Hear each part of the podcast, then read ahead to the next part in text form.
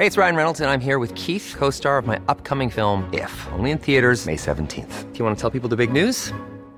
All right, I'll do. Sign up now and you'll get unlimited for $15 a month in six months of Paramount Plus Essential Plan on us. Mintmobile.com slash switch. Upfront payment of $45 equivalent to $15 per month. Unlimited over 40 gigabytes per month. Face lower speeds. Videos at 480p. Active Mint customers by 531.24 get six months of Paramount Plus Essential Plan. Auto renews after six months. Offer ends May 31st, 2024. Separate Paramount Plus registration required. Terms and conditions apply if rated PG. One size fits all seems like a good idea for clothes until you try them on. Same goes for healthcare. That's why United Healthcare offers flexible, budget friendly coverage for medical, vision, dental, and more. Learn more at uh1.com.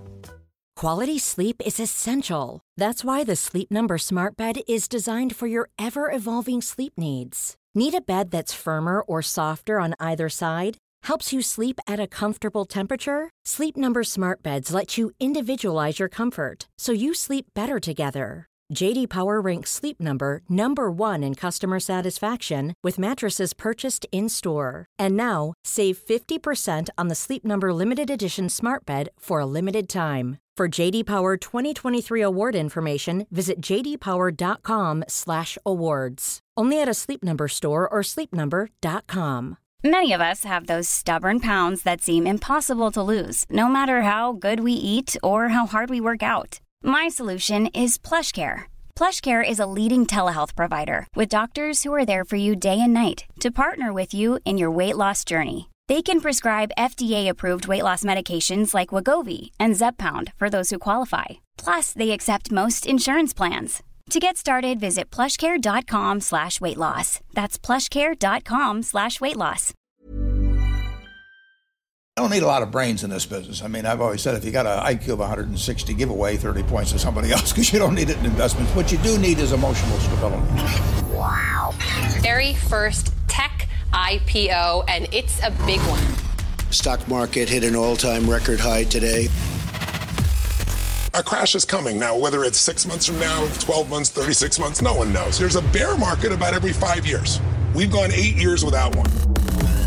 People have to realize this is the biggest IPO ever. Då säger vi välkommen till ett nytt avsnitt av Market Makers. Och vilket avsnitt vi har, eller hur Fabian? Ja, det är ett fantastiskt avsnitt som kommer, för i dagens avsnitt har vi nämligen med oss Torbjörn Olofsson från Kvartil Fonder. Ja, han har ju en rätt gedigen bakgrund kan man säga minst sagt. Han jobbar på Riksbanken, han har ju jobbat eh, som portfolio manager på Brummerfonden Nektar, som är en legendarisk fond. Vi kommer ju prata lite om den i, i avsnitt också. Eh, och nu rattar han då en egen fond, eller ett fondbolag som heter Quartile, men fonden heter Kvartil som man kan då hitta. Som är jäkligt intressant upplägg. Alltså jag tycker att det är en rolig, rolig fond de har tagit fram. En intressant strategi. Exakt, och eh, Torbjörn han har ju varit med lite från start. Nektar om jag inte missminner mig var den andra hedgefonden i Sverige. Jajamän, det stämmer bra. Eh, och den här kvartil då, som sagt, vi, vi pratar ju om massa olika saker och försöker fokusera på strategi. Men samtidigt, jag vet att jag fastnade mycket på det här med Riksbanken. Jag tyckte det var spännande att han satt där och handlade och sådär. Jäkligt coolt. Men du, jag tycker vi hoppar rakt in på dagens avsnitt, eller hur? Det är väl ingen idé att slösa tid på att berätta vad vi ska prata om? Nej, men först kanske vi ska ha en sån här disclaimer. Det är bara en intervju. Eh, men ja, det är, som vanligt ingen rådgivning eller rekommendation. Vi berättar ju liksom om vad vi tänker, Torbjörn berättar om vad han tänker. Gör alltid din egen analys, lyssna inte på vad vi säger helt enkelt. Eller ta det som underhållning kanske. Då säger vi välkommen till podden Torbjörn Olofsson från Kvartil. Eh, Torbjörn, berätta gärna lite om din bakgrund. Hur har du hamnat här? Hur jag hamnat på Kvartil? Eh, om man tittar yrkesmässigt, eh, om vi börjar där i alla fall. Så jag har varit eh, verksam i finansmarknaden nästan, Eh, det är nästan 30 år nu. Tvungen att räkna. Eh, och det blev nästan 30 år. Eh, och jag började min karriär, egentligen yrkeskarriär efter universitetet, så började jag på Riksbanken och sen efter det så har jag varit på eh, ganska många olika ställen, eh, bland annat eh, Investor och eh, eh, Brummer Partners har jag spenderat längsta tiden av min karriär, 15 år, så att halva min yrkesmässiga karriär har varit där. Och, och mesta av den här tiden har jag jobbat som portföljförvaltare av, på olika sätt, eller risktagare eller portföljförvaltare om man säger så. Eh, och sen ungefär ett år, lite mindre än så kan man säga, så driver jag ett fondbolag som heter Kvartil. eller det heter egentligen Quartile Fonder AB, men vi har ett varumärke som heter Kvartil. Och då blir man ju väldigt nyfiken. Vad gjorde du på Riksbanken? Vad var det för portfölj du förvaltade där? Jag var, eh, för, först var jag en sån som gjorde interventioner i marknaden, valutainterventioner och ränte. På den tiden gjorde man rätt mycket ränteinterventioner också. Så att eh, då, där började jag att göra det. Eh, och sen flyttade jag över till att bli förvaltare av valutareserven, av själva valutareserven. Och, och eh, då hade jag en eh, obligationsportfölj som bestod av eh, främst eh, franska obligationer. Och hur mycket liksom handlar man på Riksbanken? Alltså, vad, vad, hur ser den handeln ut? Vi ska inte fastna för mycket i Riksbanken, men jag är ganska nyfiken. Liksom. Hur ser den, den delen ut? Och hur, hur såg den ut då jämfört med framförallt nu kanske, liksom, när man har ändrat ganska mycket i det där? Eh, alltså, när det gäller handel i svenska kronor så är inte den aktiv på något sätt, utan det är ju policybetingat. Det, det är ju penningpolitik i dess eh, politiska bemärkelse. Eh, när det gäller valutareserven så är ju eh, målet ett annat. Det är ju egentligen att, att upprätthålla värdet av de tillgångar som man då har i utländsk valuta. Så där har man ju ett avkastningstänk som vilken förvaltare som helst kan man säga. Även om, om instrumentfloran är rätt begränsad på en centralbank så man har väldigt hög, i allmänhet har man väldigt hög kreditvärdighet i, i, i de papper som man äger. När, när jag var där så var det bara statsobligationer. Jag tror att de har eh, en liten annan tillgångsmix nu då, då men, men, eh, men eh, den är säkert väldigt likvid för att Eh, man ska kunna likvidera den där och, använda de där till, tillgång eller valutorna till någonting i ett krisläge. Är ju tänkt. Hur lång tid tror du tar innan Riksbanken börjar handla med aktier? Det, alltså, ja, så som policyvärlden har rört sig så utesluter inte jag alls det faktiskt. Eh, inom de närmsta tio åren i alla fall, eller fem eller något sånt. Ja, men det finns ju centralbanker som gör det, som Japan till exempel eh, har, har jättestora innehav av eh, aktier indirekt via ETFer och indexfonder. Det är det, det är det jag fiskar lite efter här. Vi har ju yrkat lite för en japanifiering, har vi pratat om mycket i podden. Men vi ska ja. släppa, släppa Riksbanken, jag var bara nyfiken när vi kom in på det. Ja. Eh, Investor då, vad gjorde du där för någonting? Det är ju en, en pärla på svenska börsen kan man säga. Då jobbade jag på eh, någonting som från början hette Saab Scania Treasury. De, eh, Investor ägde, helägde Saab Scania eh, och det som sedermera blev Scania bara, eh, buss och lastbilsverksamheten. Eh, så att det var ett helägt dotterbolag när jag var där. Så att då började jag där som eh, och arbeta på deras Treasury Center som hand hade egentligen då valut, eh, alltså valuta och ränteexponering och, och lån. All, allt det som det finansiella på, på, som rörde eh, Saab Scania.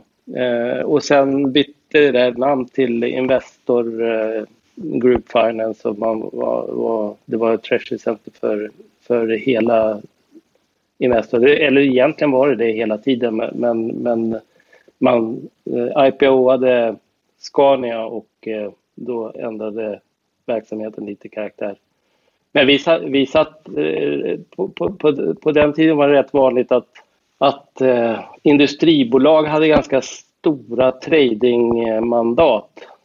Så man, man satt och köpte och sålde främst eh, obligationer och till viss del eh, valutatransaktioner också kan man säga. Eh, alltså spekulativt kan man kalla det för. En, för att fråga så här, med så mycket fokus på valutor och räntan i början på din karriär, hur har det format din förvaltningsfilosofi? Eh, ja, filo, filosofin eh, vet jag inte om man, man kan kalla det, men, men, men däremot så är man ju präglad av de tillgångslag som man som man handlar i. Och sen har jag alltid haft någon, någon sån här grundkänsla av att man, man, man ska specialisera sig och inte... Eh, ja, man, man, ska göra det som man är bra på och, och, och, då har det blivit rätt mycket av valuta och, och räntehandel för, för min del.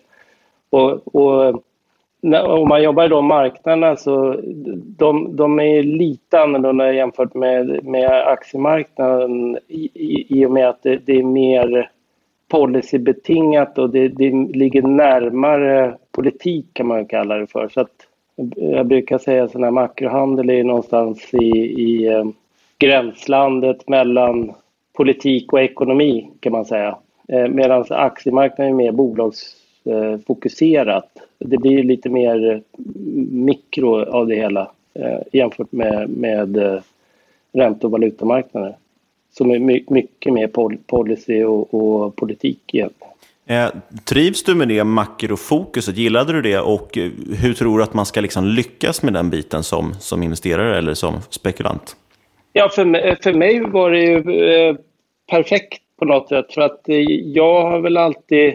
Jag hade ingen aning om att det eh, fanns obligationsmarknader knappt när jag gick ut eh, skolan. Eh, eller jag hade vaga begrepp om valutamarknader också, måste jag säga.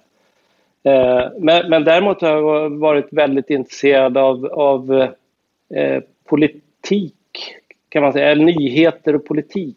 Sådär. Eh, och, och, och, det intresset hade man ganska stor nytta av faktiskt i de här marknaderna. Så det, det var väl eh, ja, det var en bra bakgrund tror jag, att ha det intresset. Det, det kan jag säga. Eh, och, det, och det, det intresset kanske man inte hade fått lika hög utväxling för i aktiemarknaden då eftersom, eftersom det är kanske andra storheter som, som styr de marknaderna. Så, så att på så vis har det varit bra för mig att, att vara i, i, i den delen av, av kapitalmarknaden.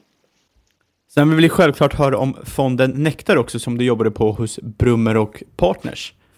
Um, Ja, jag jobbade där nästan 15 år, så det var en, en, en, en ganska lång tidsperiod då. Uh, och jag började där år 2000, tror jag. Det var i februari 2000. Uh, ehm, och då hade Nektar varit igång i ett och ett halvt år, så jag var inte med från start då. Uh, och när jag började vill jag minnas att det var ungefär 700 miljoner i, som vi hade i förvaltning. Eh, och jag, jag, tror att de kör igång med i storleksordningen 450 eller något sånt. Så, så att eh, eh, det hade inte växt så där jättemycket när jag, när jag började. Och, och, och sen när jag slutade så hade vi över 30 miljarder så att det var en, en ganska eh, stor förändring eh, och tillväxtresa under, under de där 15 åren. Då. Och sen om man tittar tillbaka så Eh, jag vet inte om det jag börjar bli gammal eller vad det är, men, men eh, jag tror nog att det var som roligast var det de första åren där egentligen. För att Nekta var Brummers Zenit-fond var hedgefond nummer ett i Sverige och Nekta var hedgefond nummer två. Så att hedgefonderi var nytt i Sverige. Eh, nu är det allmängods. Det var någon som sa att det fanns över 100 hedgefonder här i Sverige. Jag vet inte om det stämmer. Men då var det i alla fall ganska nytt. Så att det var liksom en pionjäranda och vi, det var trial and error på många sätt. Eh, och det, det, var, det var faktiskt en väldigt rolig period då. då. Hur, hur, såg, hur såg arbetet ut där? Vad gjorde du för någonting och eh, allmänt, hur såg liksom den strategin ut och hur jobbade man kring det? Speciellt när det var så pass nytt. Man hade ju förlagar i USA såklart att kika på, men var, som du säger så är det ju ändå väldigt nytt liksom då. Vi hade väl två, eh, två huvudinriktningar kan man säga. Det ena var det som man brukar kalla för traditionell makrohandel. Det, det är eh, Eh, jag tror att räntan ska gå ner. Jag köper eh, typ eh, obligationer eller någonting. Eller jag tror att svenska kronan ska försvagas, jag säljer kronor. Den typen av handel. Men den, an den, andra som var ganska stor då var att man jagade in, arbitrage är fel ord, men, men fel, felprissättningar där alltså egentligen det, det, kallas på fikonspråk kallas det för relative value. Eh, men, men det, det, går ut på att man gör eh, statistiska analyser av, av prissättningen av, av främst var det då obligationer där man gör någon sorts rimlighetsbedömning om A handlar på eh, 3 och B handlar på 4. Vad borde då eh, C handla på? Alltså, och, och, om då C handlar på någonting som man tyckte det, där, det, det håller inte riktigt ihop med vad A och B handlar på så, så köpte eller sålde man C. Eller, alltså den typen av analys kan man kalla det för.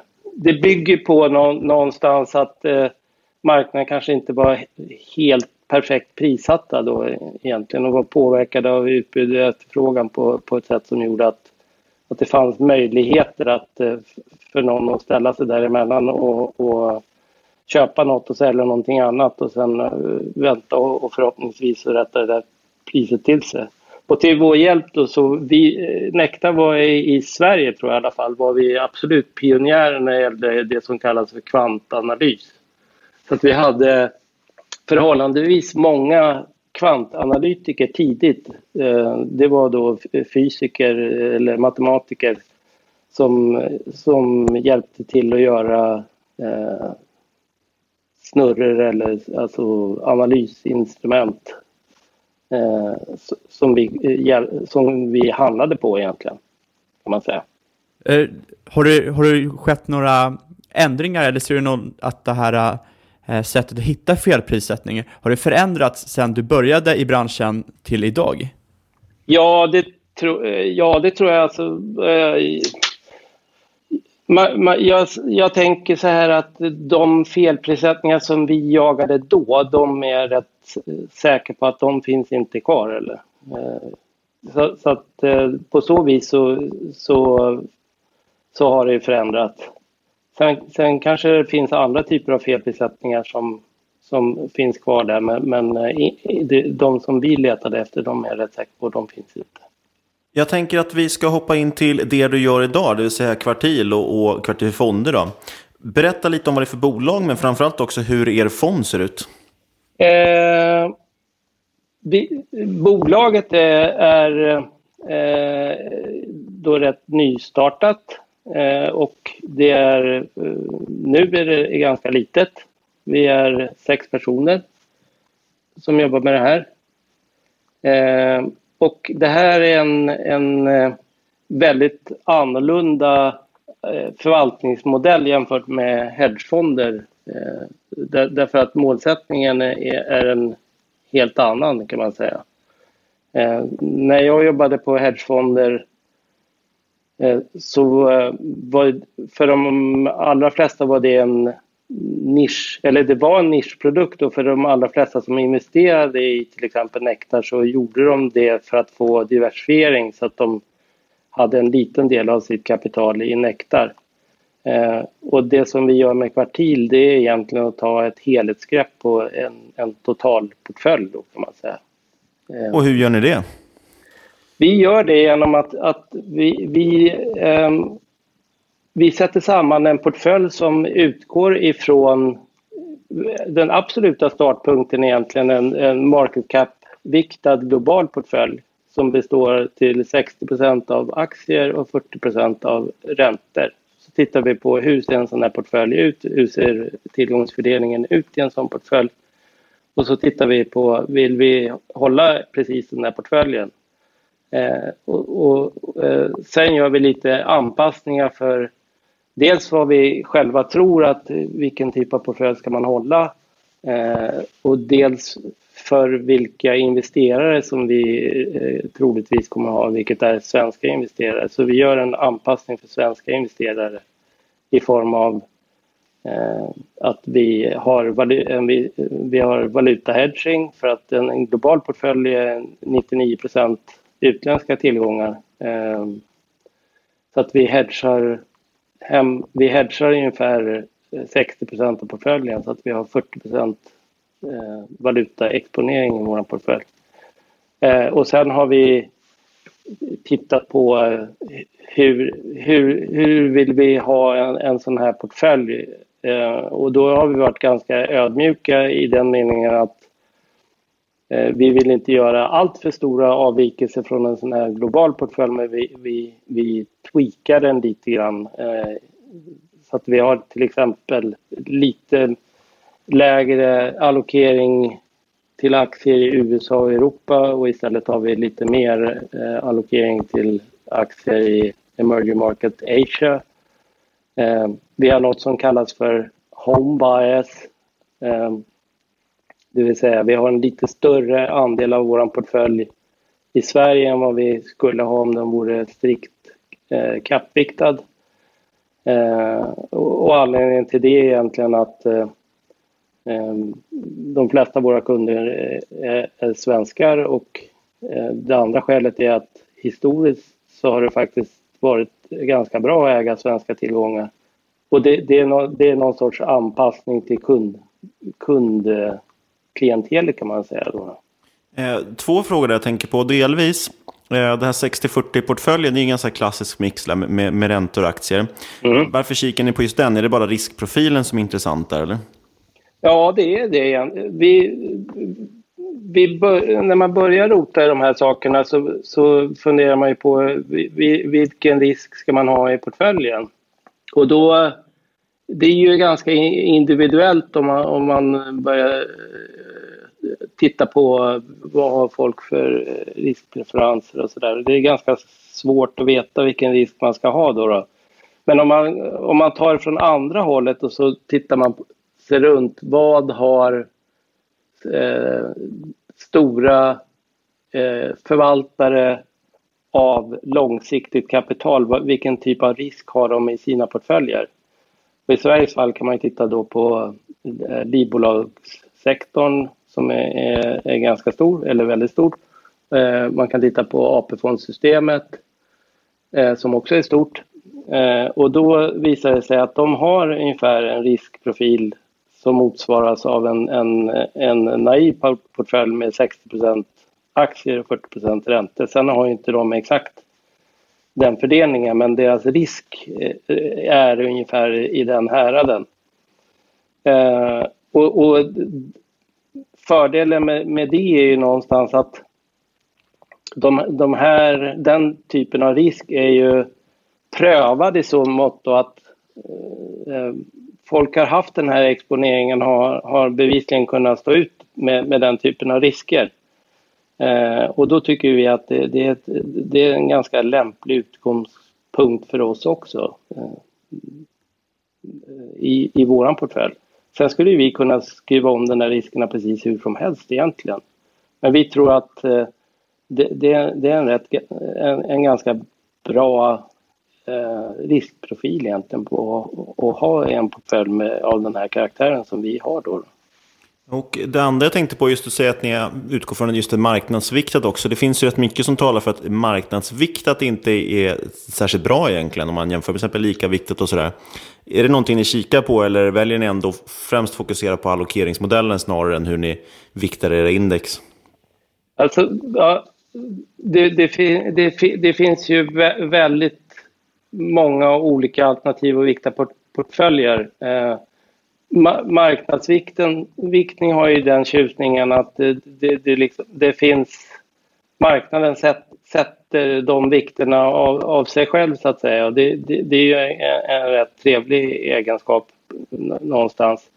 Men, men sen har ju vi kompletterat vår förvaltning med, med eh, taktiska riskhanteringsstrategier och de i sin tur bygger på eh, forskning på det som kallas för riskfaktorer som egentligen, eh, egentligen är strategier kan man kalla det för som, som är avvikelser från marknadsportföljen kan man säga.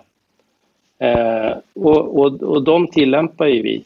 Så att vi, vi utgår egentligen i, i, i, från, i starten utgår vi från en, en, en kappviktad portfölj och sen gör vi de här anpassningarna och sen eh, har vi de här taktiska strategierna på toppen av det som gör att vi kommer inte att hålla marknadsportföljen hela tiden kan man säga. Hur, hur vidareutvecklar ni era modeller med tiden? Eh, vi, vi provar ny, nya nya tillämpningar av, av dels de riskfaktorer som vi har. Eh, vi, vi provar eh, tillämpningar av de här riskfaktorerna på andra tillgångslag än vad vi har från början eh, kanske. Eh, vi kan tänka oss att addera andra sådana här riskfaktorer. Eh, så att det, det, är ett, egentligen ett ständigt, det är ett jobb som inte tar slut egentligen. Eh, för det, det, finns alltid anledning att, att, att, att vidareutveckla de modellerna eh, och prova, prova om man har tänkt rätt, eh, prova om det finns bättre kombinationer och så vidare. Så jag ser det där som någon sorts ständigt arbete som man kan hålla på med hur länge som helst egentligen. Vad är det för typ av riskfaktorer? För som jag fattat det så kan det till exempel vara så värde och momentumstrategier och, och du antar att ni använder någon form av ETF för att, öka och sänka exponering mot dem och sådär. Berätta lite om hur den biten ser ut liksom. Vad är det som gör det unikt så att säga? Eh, jag, jag tänker så här att eh, när, när man börjar med att titta på varför ska jag ha de här taktiska strategierna, då jag vill försöka uppnå någonting. Eh, och jag skulle gärna vilja att eh, de här eh, modellerna kan hantera det som jag kallar för bubblor och krascher, alltså när, när marknaden springer iväg åt något håll eh, väldigt snabbt och väldigt långt ifrån det normala. Eh, det är det ena. Och det andra är att, att jag skulle vilja hantera väldigt stora nedgångar, det, det som kallas drawdowns eh, för portföljen. Då. Eh, och det, det, är syftet med övningen någonstans eh, när man har en, en, en, den, här, den typen av portfölj som vi har. Eh, och då får man titta, titta på vil, vilka vilka riskfaktorer, om man tittar på i litteraturen, om man tittar på den forskning som finns, vilka av de här riskfaktorerna skulle lämpa sig i, i den här kontexten eh, om jag vill uppnå de här sakerna. Och då har vi fastnat för momentum i första hand och, och värde, de två riskfaktorerna. Men jag kan tänka mig att vi kan addera andra längre fram då. Men, men de, de två har visat sig historiskt i alla fall ha, ha fungerat ganska bra eh, i, i, kombination. Eh, och de har visat sig ganska bra eh, för att hantera just det som jag beskrev, alltså den här värdekomponenten hanterar ju eh, lite grann det som eh, är det här med, med bubblor och, och krascher. Och där momentum har visat sig vara, vara eh, historiskt eh, har varit bra vid, vid långa, stora nedgångar. Så det, det, är skälet till att vi har valt dem egentligen. Då. Eh, och det är rätt intressant att göra. Kikar man på, på, på er hemsida har ni ju det är inte historisk avkastning egentligen, utan era, era backtest-varianter. Liksom, Ja. Men då ser man ju prov ganska tydligt på det som säger, för då visar ni ju jämförelseindex, alltså 60-40-portföljen. Ja. Den här grundportföljen då som du sätter ihop och sen även då hela liksom resultatet med när man adderar de här risk, riskfaktorerna. Då. Ja. Och det man ser som har gjort överavkastningen så stor är ju framförallt att 2008-2009 så hanterar ni nedgången mycket, mycket bättre. Ja. Det är ju rätt intressant att se det. Men hur liksom rent, rent praktiskt, handlar det bara om, går det korta någonting eller sitter ni bara då att ni adderar på värdesidan eller adderar på momentum beroende på hur marknaden ser ut? Och hur funkar liksom arbetet? Är det, är det ETF som ni använder eller? Ja, hela vår portfölj består av ETF vid, vid sidan om eh, valutahedgingen som ju sker då vid sidan av kan man säga. Men, men i övrigt så investerar vi bara i ETFer. Eh, och vi går aldrig kort någonting. Eh, så att det är bara olika varianter av långa positioner. Eh, och, och, och, så som det fungerar är att eh, beroende på vad de här modellerna ger för signaler så över eller underviktar man då den marknad som, som har, haft en, en eh, har givit den här signalen egentligen. Och, och då gör man de affärerna i via ETF-marknaden i de ETFerna. Men är det någon form av mean reversion-tänk att om, när till exempel, det är ju många som följer till exempel momentum mot value och, och, hur de korrelerar, eller inte korrelerar, förlåt, hur de divergerar liksom. Och att ser man en stor spread däremellan, ja då, då kan det finnas en strategi, till exempel gå kort den ena lång den andra. Eh, är det något som man tittar på, att man adderar till den som gått sämre, eller är det, är det något annat som triggar signaler? Eh, jag, jag, tror själva alltså modellramverket, då, då går, står och går de här modellerna var och en för sig. Men, men, men om, om, du pratar om mean reversion så de här värdemodellerna som vi har de, de har väldigt, väldigt mycket av, av, eh, av mean reversion egentligen. Så tänk, tänk olika former av det som brukar kallas för Cape Schiller-modeller om ni känner till dem. Absolut. Eh, där, där, där grundtänket är ju egentligen att man återgår till någon sorts eh, genomsnittlig värdering. Eh, så betyder att är det dyrt idag så, så, så kommer man att återgå till någon sorts genomsnittlig värdering och är det billigt idag så, så, så kommer man också återgå till, till den här genomsnittliga värderingen.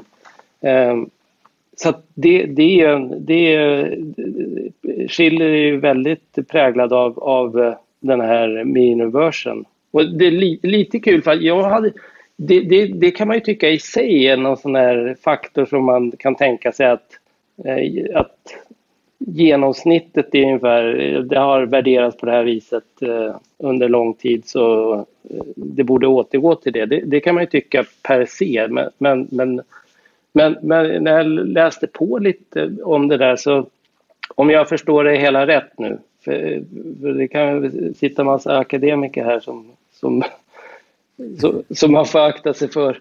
Men om jag förstår det rätt, så som Schiller för, förklarar det här tycker jag är rätt kul. För att han säger så här att om, om, man, om man jämför bolagens hu, eh, hu, det fria cashflow från, från, från bolagen eh, och eh, Eh, hur den varierar jämfört med hur aktiemarknaden eh, varierar om man rensar för, för belåning och så vidare, så säger han att eh, aktiemarknaden har större volatilitet än vad volatiliteten i earnings är. Och om man tänker på det lite grann så kommer man fram till att det betyder att liksom, aktiekursen har mycket större svängningar kring, kring eh, det här medelvärdet än vad, vad eh, eh earnings har. Och det betyder att eh, då, då kan man förklara var, varför det är så att aktiekurserna tenderar att, att eh, gravitera mot det här medelvärdet. Därför att medelvärdet är egentligen den här earnings, eh, earnings eh, streamen. Eller nu pratar jag, nu pratar jag svengelska. Men ö, ö, ö, eh, hur earnings går. För, för det måste, om, man, om, man titt, om man tar ett steg tillbaka och vad är värdet av ett bolag? Det måste ju vara earnings någonstans. Eh, och om, om, varje, om volatiliteten i earnings är mycket lägre än vad, vad kurserna på aktierna är så, så borde ju aktiekurserna, eh, även om de svänger mer då, så borde de ju eh, eh gå mot eh, medelvärdet eh, över tid. Och det är så han för, förklarar var, varför det här fenomenet finns eh, med mean reversion. One size fits all seemed like a good idea for clothes. Nice dress. Uh, it's a t-shirt. Until you tried it on. Same goes for your healthcare.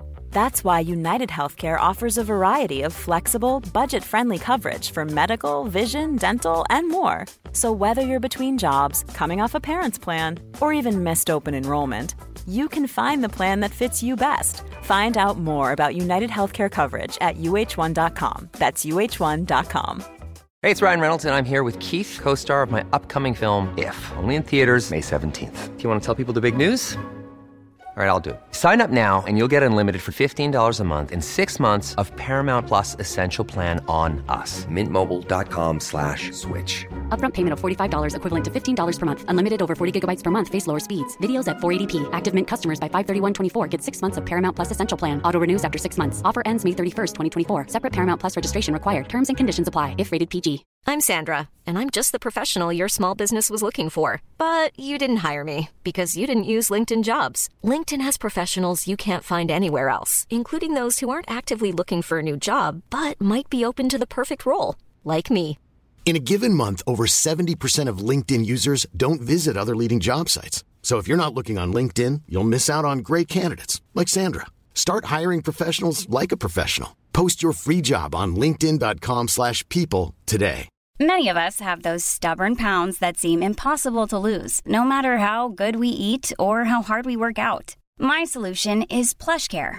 PlushCare is a leading telehealth provider with doctors who are there for you day and night to partner with you in your weight loss journey. They can prescribe FDA-approved weight loss medications like Wagovi and Zepbound for those who qualify. Plus, they accept most insurance plans. To get started, visit plushcare.com slash weight loss. That's plushcare.com slash weight loss. Hey Dave. Yeah, Randy. Since we founded Bombus, we've always said our socks, underwear, and t-shirts are super soft. Any new ideas? Maybe sublimely soft. Or disgustingly cozy. Wait, what? I got it. Bombus. Absurdly comfortable essentials for yourself and for those facing homelessness. Because one purchased equals one donated. Wow, did we just write an ad? Yes. Bombas. Big comfort for everyone. Go to bombas.com slash ACAST and use code ACAST for 20% off your first purchase. Jag, jag tycker det låter rätt eh, rimligt faktiskt. Det finns ju mycket som, som visar att det som funkar i slutändan så, så är det ju värderingen som spelar roll och, och, du kan göra väldigt, väldigt mycket bara med en, just en, en PE, liksom, alltså en pris och, och vinstmultipel. Jag Ja. tänker på just uh, What Works on Wall Street har vi ju pratat en del om den boken av Jim O'Shaughnessy. Ja. Eh, Där han just tittar på hur olika värderings, eller inte värderingsmultiplar, men multiplar korrelerar just med eh, avkastning sen också. Ja. Och sen just för att koppla till som du säger med rensat för skulder men även kassaflöde så eh, tar du EV-EBIT, var det, det var ju en bok som hette The Acquires Multiples som kom fram till att den var ju det absolut mest bästa multipeln liksom egentligen för att, att investera efter om du bara ska på en enda grej. Ja. Och det är ju just för att EV, Enterprise Values, rensar ju för skulder och du har ju EBIT som i alla fall ligger lite närmare eh, kassaflödet. Rörelseresultatet är ju oftast ganska likt ändå. Ja. Så det ligger mycket i det tycker jag. Ja. Och så tar blir det ju ofta just det med bubblorna, då tar man ju ut väldigt mycket förskott och extrapolerar liksom lite för långt åt fel håll. Ja. Och sen attraheras ju jag som gammal eh, eh diskussionär eh, handlare av det här eh, att, att, man, att, man kan, att man säljer när alla andra vill köpa och, och köper när alla andra vill, vill, vill sälja. Att det är en contrarian inbyggd i den där modellen. Eh, som, som jag kan tycka är rätt attraktiv också faktiskt. Mm. Och enda nackdelen man stöter på det är ju när vi får sådana här perioder just när man har centralbanker som stimulerar och kanske till och med går så långt att de börjar köpa ETFer så småningom. Ja. Då, får, då får man det ju lite emot sig tyvärr. Ja, absolut. Eh, Och jag tror då, och det kan ju vara övervärderat väldigt, väldigt länge och undervärderat väldigt, väldigt länge och sådär. Så att eh, man ska ju vara, man ska veta om det förstås. Eh, Det tycker jag är svårt överlag just med, med Schiller, Schiller PE eller KAP, cykliskt justerat PE. är ju rätt intressant att kolla på, men med mig veterligen brukar den ligga på 10 år och nu har vi haft en, en cykel som har varit längre än 10 år i princip och då känns det lite som att det där blir lite svårare. Annars brukar man ju ha en, en hel cykel inom den perioden och då blir den extra intressant att man ändå mm, jämnar ut kanterna så att säga på det, eller jämnar ut svängningarna. Ja, men nu börjar väl eh, de här, eh, nu börjar väl finanskrisen ramla ur eh, också. Så att det har man ju sagt att det har sett väldigt högt ut, Cape Schiller PE, därför att det, Ja, precis, det är det- det är det jag ett år har in, finanskrisen har ingått i, i datasättet. Exakt, det är det Men nu börjar det rulla ut i och för sig då. då. För, för du har ju haft en tioårsperiod och normalt sett har du ju då hunnit fullgöra en hel cykel så du får med både topparna och dalarna. Och nu blir det ju liksom bara en uppgång i tio år och då blir ju kapet väldigt, väldigt högt. Då. Ja, jo. Eh, men om man tänker på kvartil då, liksom, för, för ni, just i dagsläget går det bara att bli direktkund. Eh, varför har ni gått den vägen? Hur tänker ni kring avgiftsstruktur och alla de här bitarna, rent liksom affärsmässiga i fonden? så som jag ser det så är låga, låga avgifter är en del av våran affärsidé. Och det, det, har ju den otrevliga egenskapen att, eh, att eh, det blir inte så där jättemycket pengar till fondbolaget då. då. Men, men jag, jag, tycker att det, det ingår i, i konceptet någonstans så jag, jag vill inte eh, kompromissa på det. Så att det är bara att konstatera att våra avgifter är, är låga och vi, vi försöker att distribuera själva då i, i rätt hög utsträckning därför att eh, Eh, vi kan inte dela med oss så mycket till andra därför att det finns inte så mycket att dela med sig av. Så att vi, vi har satsat rätt mycket på att utveckla vår hemsida så att man ska kunna göra transaktioner på ett lätt sätt. Att vi vill sänka ribban för att göra transaktioner. Så att vi, vi har en, en digital onboarding-process som Eh, vi har klockat eh, att man kan, man kan göra det på under två minuter. Eh, så att vi har försökt göra det så enkelt som möjligt att göra. Och vi har också betalningslösningar som gör att, att, att man kan göra direktbetalningar som också gör det enkelt att, att, att bli kund. Då. Så att vi, vi hoppas ju på att, att folk ska upptäcka det här, både med de låga avgifterna men också att det är ganska enkelt att, att göra de här transaktionerna på nätet nu. Då, då. Eh, och, och sen har vi ISK. Vi erbjuder ISK som fondbolag då, så att man kan ha en ISK-depå hos oss. Vem, vem skulle du säga är er kund? Vem passar eh, kvartil för och hur passar den in i en portfölj?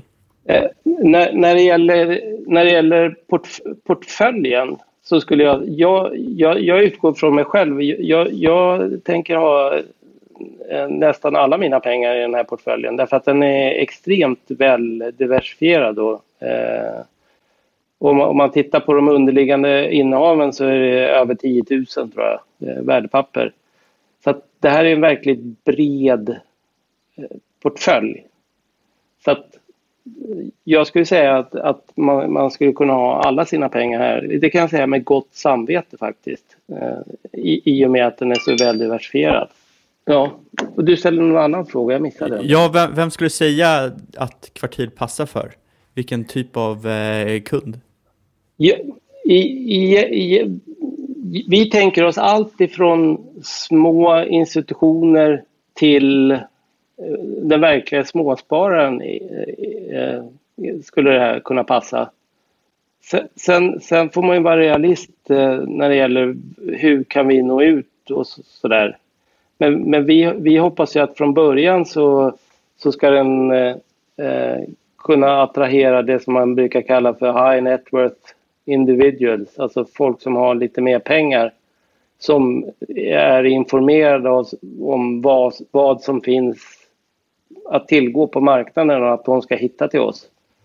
Eh, och sen hoppas vi att, att det ska sprida sig. Eh, ordet ska spridas så att säga. Eh, och, och, och jag, jag, tycker att den här eh, produkten passar i, i, i, princip alla människor eh, faktiskt.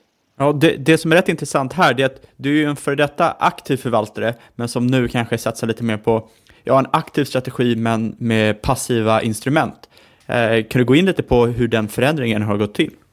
Eh, ja, eh, jag, jag, jag, tycker eh, den har gått från två håll egentligen. Eh, eh, där, där, jag tror att det har blivit svårare att eh, Eh, Eh, att skaffa överavkastning i, i, eh, i hedgefondbranschen och, och, olika former av aktiv förvaltning eh, under de senaste tio åren kan man säga. Och, och, och det, det, det, det, skulle jag säga, det är inte något som jag tycker. Det, det finns ju massor av studier som, som, eh, som visar det. Att överavkastningen Eh, Eh, om man tittar på hedgefonder så var överavkastningen väldigt hög i, i, eh, under 80 och 90-talet och en bit in på 00-talet. Och, och, och, eh, men sen hände det något vid, vid finanskrisen och eh, den här överavkastningen har planat ut eller försvunnit eller åtminstone planat ut rätt mycket. Så, och det, det i sig är ju någonting som man måste notera kan jag tycka. Och, och sen från andra hållet då så, så har ju teknikutvecklingen och marknadsutvecklingen gjort att eh, det finns ju otroligt mycket olika passiva produkter som har väldigt låga avgifter som man kan investera i och som man kan sätta samman en, en väldigt bra portfölj. Därför man kan, man kan ta, då, använda de här ETFerna som byggstenar för, för, för att sätta ihop en bra portfölj. Så att det har blivit enklare Eh, att sätta ihop en bra portfölj under samma period. Eh, så att, så att jag tycker riskvård för, för eh, aktiv kontra, kallar det i allt väsentligt passiv förvaltning, den har förändrats över de sista tio åren. Och, och jag tycker att jag har gjort någon sorts anpassning till det egentligen. Jag gillar det där tänket ändå för att eh, många, det är ju liksom alltid en stress också, en press att försöka slå index. Men kan åtminstone få den, den riskpremie som finns, men begränsa nedsidan, så gör det väldigt, väldigt mycket för avkastningen på lång sikt. Ja. Eh, men jag tänker just relaterat till det du säger, hur ser du lite på börsen framgent? Då tänker jag framförallt just fokus då kanske inte på ränteläget men just, eller lite hur det påverkar som du säger, och, och den förväntade avkastningen framförallt framåt. Vad ska man liksom förvänta sig som investerare då? Eftersom riskpremien finns väl kvar, men vi har inte så mycket riskfri ränta så att säga. Nej, eh, jag, jag, tror ju generellt sett att, eh, att penningpolitiken kommer vara eh, väldigt lätt eh, under överskådlig tid, ska jag säga. Och för, för mig är det någon sorts... Alltså, det har med politik att göra till viss del, men, men eh, om man tittar på 90-talet och kanske början av 2000-talet så, så centralbankers nyttofunktion var någonstans att få ner eh, eh, inflationen och hålla den i schack. Man, man, var, man var beredd att chansa lite för att uppnå det målet. Och nu, nu, nu tror jag att det är precis omvänt, att man är beredd att chansa lite för att få, få upp inflationen istället. Och det, det talar väl för att eh, penningpolitiken kommer vara väldigt lätt, alltså i en, om man tittar på eh, historiskt mått, Eh, så kommer den vara lätt även framöver säg närmsta fem åren eller något sånt där. Eh, så jag tror att räntorna kommer vara eh, ganska låga under lång tid. Det är väl det bästa, bästa gissningen. Och sen när det gäller aktiemarknaden då så då är det lite andra storheter som spelar in. Men penningpolitiken tror jag inte kommer vara något hot. Det är svårt att se att, att centralbanken ska komma in och, och, döda konjunkturen eller någonting. Tvärtom så gör de ju allt vad de kan för att, för att eh, hålla den vid liv. Eh, det som jag ser som hot för, för aktiemarknaden på lite sikt, det, det, det är ändå inkomstfördelningen och alltså det, det som har hänt politiskt eh, i eh, stora delar av världen. Där, som jag ser som eh, någon sorts reaktion på, på omfördelning av... Alltså kapitalisten har fått vä vä väldigt stor del av kakan under de senaste tio åren. Eh, och det, det, tror jag är, är ohållbart på, på Eh, att, att vinstandelarna ska, ska vara så höga under de närmsta 5 till 10 åren som de har varit de senaste 10 åren. Eh, därför att jag, jag, tror inte det är politiskt gångbart helt enkelt. Och det är svar på frågan. Men generellt sett så, så, tror jag att förväntad av... Räntor har ju den, det, det, den har ju rätt trevlig egenskap. Man, kan, man vet vad förväntad avkastning är och den är låg. Eh, det, det vet vi ju redan. Och när, och när det gäller aktier så, eh, så, så om jag då tror att, att om något så kommer kanske vinst, vinstandelarna i ekonomin att, att eh, eh bli lite mindre. Så, så att eh, avkastningen från, från aktier kanske inte kommer vara det, det behöver inte vara negativ, men, men, men den kanske inte kommer vara så där otroligt hög. Så att net, net, net så tror jag förväntad avkastning för en sån här portfölj som, som vi har, den, den, är, den är eh, den är, nog den är definitivt lägre än vad avkastningen har varit de senaste tio åren. Det, det är jag rätt säker på.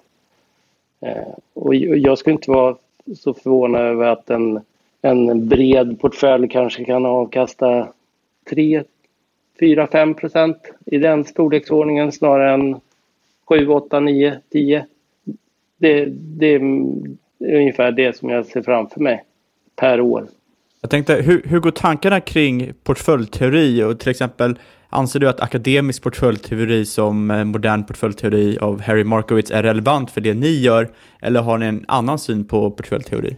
Nej, jag, jag, jag, jag vet inte. Jag, jag, tänker mer, jag tänker på portföljteori som någon sorts ledstjärna eller något sätt att hänga upp eh, tankarna kring när det gäller eh, avkastning och risk egentligen. Eh, och, och, där tycker jag att eh, modern portföljteori och, och CAPEM och eh, det, det, är fortfarande extremt eh, relevant. Sen, sen, kan, sen, kan, man ju ha sina funderingar på Alltså, eh, diversifieringsegenskaper eh, hos olika tillgångar. Eh, vad, vad, som är riskfri ränta och, och vilken korrelation kan man förvänta sig så där, framöver. Men, men, det tycker inte jag förringar tankeramen som finns i, i modern portföljteori eller, eller i Kappenmodellen. Så att jag tycker fortfarande den är extremt Eh, eh relevant. Eh, jag, jag hittar inget annat som eh, hur, hur man ska liksom samla tankarna kring, kring risk och avkastning som är, det är ändå extremt eh, viktigt i, i kapitalförvaltning att, att, att, ha klart för sig de, de storheterna. Så att jag har inget bättre alternativ måste jag säga. Många retail-investerare de kör ju det här äh, all in aktier Eh, framförallt eftersom det finns ju legender som Warren Buffett som säger att det bästa avkastningen ni kan få är ju att köra aktier. Och framförallt nu när vi har sett att räntor inte, har inte varit så attraktiva de senaste åren. Tycker du att det är en acceptabel strategi över tid? Eller har du någon typ av invändning till detta? Speciellt nu när du säger att förväntade avkastningen kommande fem år troligtvis kommer vara relativt låg. Um, om man, om man säger all in aktier, jag, jag, har, jag har nog lite svårt för det i allmänhet. Men då, men då ska man komma ihåg att jag, jag har ju varit verksam mest, mest i räntemarknaden under min karriär. Eh, och räntehandlare tror alltid att börsen ska gå dåligt. det är en sån här yrkesskada. eh, så att jag kan vara präglad, präglad av det. Eh, det, var, det var någon som beskrev det som att eh, obligations eh, handlare eh, de, de, de står alltid inför att det absolut bästa som kan hända det är att jag får tillbaka mina pengar och sen alla andra scenarier är sämre. Liksom. Så det, det gör räntehandlare väldigt misstänksamma till sin natur och det, det, det kanske stämmer. Medan aktiehandlare de, de, de, de ser ju uppsidan eftersom en aktie genom sin konstruktion den har en obegränsad uppsida. Då. Och det, det, skapar liksom ett positivt tänk i aktiemarknaden och jag, jag, tror det ligger en del i det där faktiskt. Men sen, sen tycker jag att man, man, man måste, var jag måste fundera på vad man, vad man kan leva med för drawdowns eh, egentligen då. Eh, hur, hur bekvämt är det att bara en, För mig skulle det kännas rätt obekvämt att bara äga aktier. Eh, och jag ger, jag ger bort lite av uppsidan för, för eh, att begränsa nedsidan. Då, då. För att jag kan tycka att det, det, det, är en, det är en smula naivt att säga att, att eh, aktier alltid går upp. Eh, alltså det finns ju många episoder där, där aktier har gått svagt under väldigt långa perioder. Och sen, sen, tror jag faktiskt också att riskattityden har, har påverkats rätt mycket av att aktier har gått upp nu nästan oavbrutet i tio års tid. Det, det sätter sig på förväntningarna om man extrapolerar det in i framtiden. Så att eh, jag, jag, jag, jag har lite svårt för det där att säga. Jag, jag, alla besparingar ska in i aktier. Eh, jag tänker att det där har mycket att göra också med delvis tidshorisont men också portföljstorlek. Man brukar ju prata om att det skiljer rätt mycket om man håller på, man ska get rich or stay rich. Det blir ju rätt stor skillnad i hur man ser på risk. Precis. Det, det där tror jag är, man, man ska bestämma sig för om, om eh, vill jag bli rik genom den här typen av, av placeringar eh, och är beredd att ta eh, nedsida med det som kan komma. Eh, eller, eller värderar jag andra saker, just det här stay rich. Alltså om, om jag sp har ett, eh, sparat ihop till ett visst kapital eh, hur, hur, hur kan min nytta förändras egentligen? Eh, om jag tjänar lite, om jag har lite högre avkastning eller om jag riskerar väldigt stora drawdowns till exempel. Eh, och, och det, det, det, där är väl rätt eh, individuellt skulle jag vilja säga eh, faktiskt. Men jag tror man kan fundera på det och, och, och, eh, och, tänka på att nu har det gått upp i tio år i rad. Eller, kanske. Och det är ju lite därifrån också, tänker den här det kommer rätt mycket kritik mot hedgefonder som jag tycker är rätt eh, liksom, ogenomtänkt. Just för att det är, ju väldigt, man, det är dumt att titta på ett index och säga att ah, men index har gått bättre än den här hedgefonden. Det att hedgefonden var dålig. Det är oftast inte det som är strategin med en hedgefond. Att man, man ska ju diversifiera i tanken. Ja, precis. Det heter ju hedgefond av ett, av ett skäl. Då. Så att, eh, jag tycker också att det, det, det är inte en rättmätig eh, kritik. Däremot om det visar sig att eh, hedgefonden har ett beta på 1 och de har sämre avkastning än aktiemarknaden, då, då, då är det en dålig hedgefond. Eh, men, man måste ändå ta hänsyn till vilken typ av, av eh, marknadsrisk som de tar. Och sen får man titta, kan de addera någonting utöver det? Och gör de det så har de gjort ett bra jobb och gör de inte det så har de gjort ett dåligt jobb. Eh, men apropå, apropå det här med index just, och vi har tangerat det lite grann innan, men tar man en produkt som Avanza Zero till exempel, som tar de 30 största bolagen på OMX, eh, vad skiljer er från den? Varför skulle man som då privatinvesterare välja er före den, tycker du? Om ni får liksom göra en, en hisspitch av fonden. Nej, men jag tycker att Avanza Zero är, ett jättebra eh, alternativ. Eh, men, men då, då är det ju eh, bara aktier. Och då, det blir lite att jämföra äpplen och päron tycker jag därför att våran fond är, är ju mycket mer eh, eh, diversifierad. Både geografiskt men också till, tillgångsmässigt. Eh, och därmed har ju vi också vi har mycket lägre risk i vår portfölj. Eh, och, och, då kommer man tillbaka till eh, det vi pratade om innan om risktolerans och vad värderar man och, och sådär. Så att det, det, jag, jag, tycker att det där är, är att eh, jämföra äpplen och päron egentligen. Eh, och, det, och, det, betyder inte att Avanza Zero är en dålig produkt eh, utan att eh, eh det är en helt annan produkt än, än vad Kvartil är. Eh, vi, vi, har en, vi, har, vi erbjuder en helt annan typ av portfölj. Så att, eh, och det, det har med risk att, att göra ytterst och diversifiering egentligen. En sista fråga innan vi börjar runda av lite och ha några avslutande frågor. Så tänkte jag fråga, vi har missat den här grundportföljen som ni har. Eh, den tar mm. du fram som jag har förstått det. Hur gör ni det och vad, hur ser strategin ut där? Eh, det är jag och sen är det Janne Häggström som då tidigare chefekonom på Handelsbanken under lång, lång, lång tid. Eh, och Martin som då är förvaltare av, av Kvartil vi, vi har en investeringskommitté där vi, där vi eh, bestämmer hur den här grundportföljen ska se ut. Och den här grundportföljen det är egentligen eh, i allt väsentligt en passiv portfölj. Eh, och den där den, den reviderar vi bara en gång per år. Och det, det, är mer för att titta på om vi har tänkt helt fel på något sätt eller om vi kan addera någon ny marknad som kan ge diversifieringsegenskaper eller avkastning. Eh, men, men den, den, kommer ligga eh, eh, den kommer se ut rätt likt så som den ser ut idag framöver också. Och det, det som Jannes och min input är det där är egentligen vi utgår från en, en kappviktad global portfölj och, ska vi, och då är frågeställningen ska vi göra några avvikelser från den och eh, eh, varför och hur? Och, och då har vi gjort några vägval i form av att vi har en liten home bias och vi har eh, en lite större exponering mot eh, emerging market, Asia, eh, än en, en kappviktad portfölj. Eh, och, och, och sen det här med, med vilken valutaexponering vi har.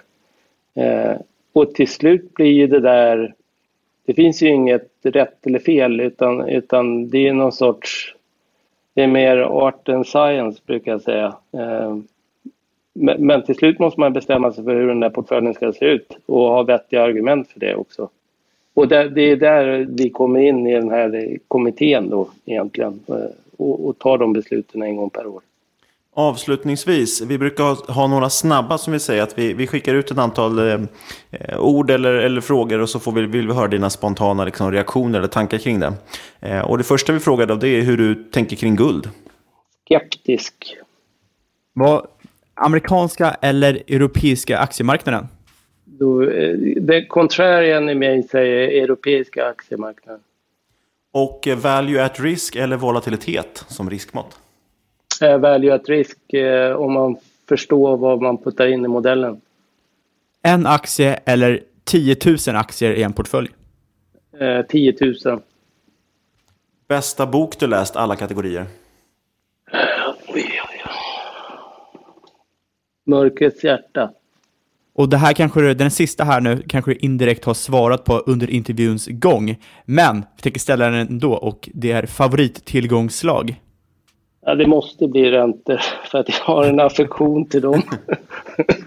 det är helt irrationellt men i det, här, i, den, i det här sammanhanget är det helt irrationellt, eh, irrationellt att svara på det viset men det måste vara det. Och vilken var din bästa respektive sämsta investering? Och framförallt intressant, vad har du lärt dig av dem? Eh, sämsta vet jag definitivt. Jag eh, ärvde en aktieportfölj och eh, satt och späcka med den där. Och nu får man hoppas att inte mamma och pappa hör på det här. Men, men, men eh, eh det var inga framgångsrika affärer kan jag säga. Eh, Eh, och det där lärde jag mig faktiskt väldigt mycket av. Att ha respekt för marknader och respekt för vad, vad, vad tusan kan jag egentligen själv. Eller? Och eh, så, så att det, det, var otroligt eh, bra läropengar faktiskt. Eh, det, eh, det, det, var väl de sämsta men kanske också den bästa på, på många sätt och vis. Och, och, och sen den, den absolut bästa affären går faktiskt tillbaka till den här tiden när jag var på Riksbanken. För då fanns det någonting som föregångaren till euro som hette ECU. Eh, och det var en, en fransk folkomröstning om eh, ett fördrag som skulle egentligen sjösätta euron kan man säga. Och jag, jag hade, jag, jag hade ansvaret för, för den här portföljen med eh, ECU-obligationer och jag hade en, någon sån här naiv eh, eh, beslutsregel där, där jag gjorde någon sorts... Då var jag rätt e-, oerfaren, men, men, men då gjorde jag någon sorts bedömning av eh, kan, eh, kan eh, eh det bli någon euro utan att Frankrike är med? Eh, och, då, och då var mitt svar eh, nej.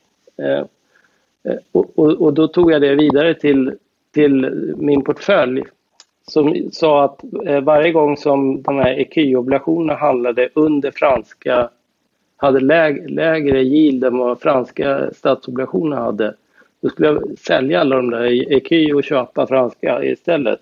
Eh, och det där, in, inför den där folkomröstningen som var det någon sorts eh, uppsluppen stämning i marknaden i förhoppning om att fransmännen skulle rösta ja. Så att Eh, då, då ville alla köpa sina ecu-bonds och då sålde jag ut allihopa.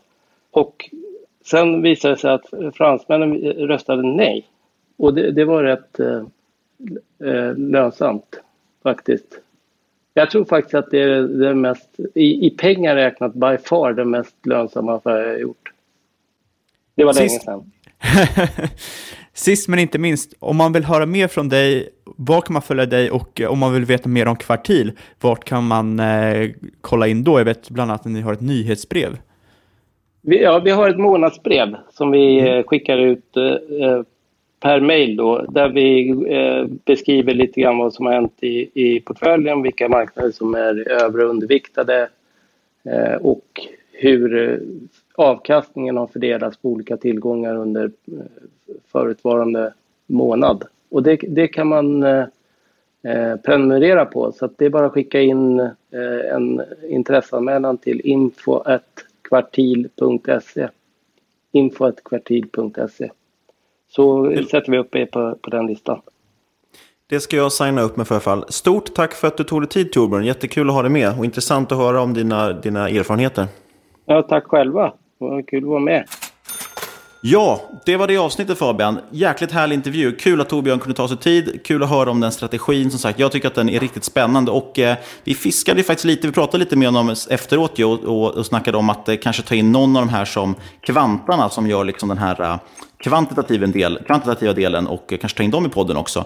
Tycker ni det skulle vara intressant? Kontakta oss på podcast.marketmakers.se eller varför inte på Twitter, att marketmakerspod. Så skriver ni så här, bra avsnitt grabbar, eh, vi vill ha in en av kvantarna också och höra om det, eller hur?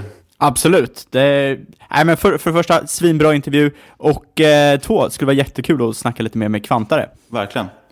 Men du, du, jag tycker du kan få läsa vår vanliga disclaimer här, för jag snackade så Ah. jäkla mycket i det avsnittet. Ja, du var verkligen on fire. Det, jag, är lite, jag är lite stolt över dig. Ja. Du bara gick igång. Men, inget du hört i den här podcasten ska ses som rådgivning. Alla åsikter våra egna eller vår gäst och eventuella sponsorer tar inget ansvar för det som sägs i podden. Tänk på att alla investeringar är förknippade med risk och sker under eget ansvar. Men, vill du vara förknippad med risk, vad ska man göra då Niklas? Ja, då ska man ju kontakta oss på podcastmarketmakers.se, det har jag redan sagt. Eller om man då vill höra mer av kvantare eller vad det än kan vara för någonting. Eller om ni har några andra intervjutips, skicka dem dit eller tagga oss på Twitter, at marketmakerspod. Vi tittar på allt, vi svarar på allt. Eh, det är skitkul faktiskt att se när folk eh, taggar oss och sådär. Det är roligt. Vi har ju oproportionerligt lite följare egentligen på Twitter på, på Market Makers-kontot jämfört med hur många lyssnare vi har faktiskt. Eh, så det var ju kul om faktiskt fler gick in och följde. Det, det är ändå lite spännande grejer där kanske.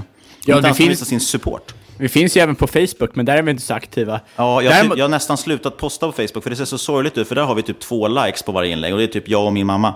Ja men det, det är verkligen så, och så, så träffar man på någon och bara ah, håller du fortfarande på med den här, vad heter det, podcast? Och så har de sett det på Facebook, så är det så här, 68 som gillar den. Ja. och då är det så här, det är sjukt deppigt. Ja, det ser, det ser värre ut än vad det är. Så att, eh, det, nästan kanske vi kommer lägga ner den. Vi får se. Sist, men absolut inte minst, tack för att du har lyssnat kära lyssnare. Vi hörs igen om en vecka. Och då blir det ju ett spännande avsnitt. Förlåt, nu vi var på väg här och stoppa, men så kom jag att tänka på att för vi eh, har ju varit och föreläst på Aktiespararna nu när folk, när folk lyssnar på det här. Vad fast det blir det egentligen? Så här blir det, på torsdag, när folk lyssnar på det här, då var det två dagar sedan var vi hos Aktiespararna och eh, hörde en föreläsning. Den föreläsningen kommer bli nästa veckas avsnitt och det kommer bli jävligt intressant. Den har en väldigt, väldigt ödmjuka titeln, tror jag. Det är lite work in progress fortfarande. Jag tror den kommer ha den ödmjuka titeln typ, så här enkelt är det att slå index. Det Alltså, vill det- inte missa. Nej, exakt. Eh, vill ni lära er slå index, lyssna på det med andra ord. Jajamän. Ha det fint hörni. Ha det bra, tja.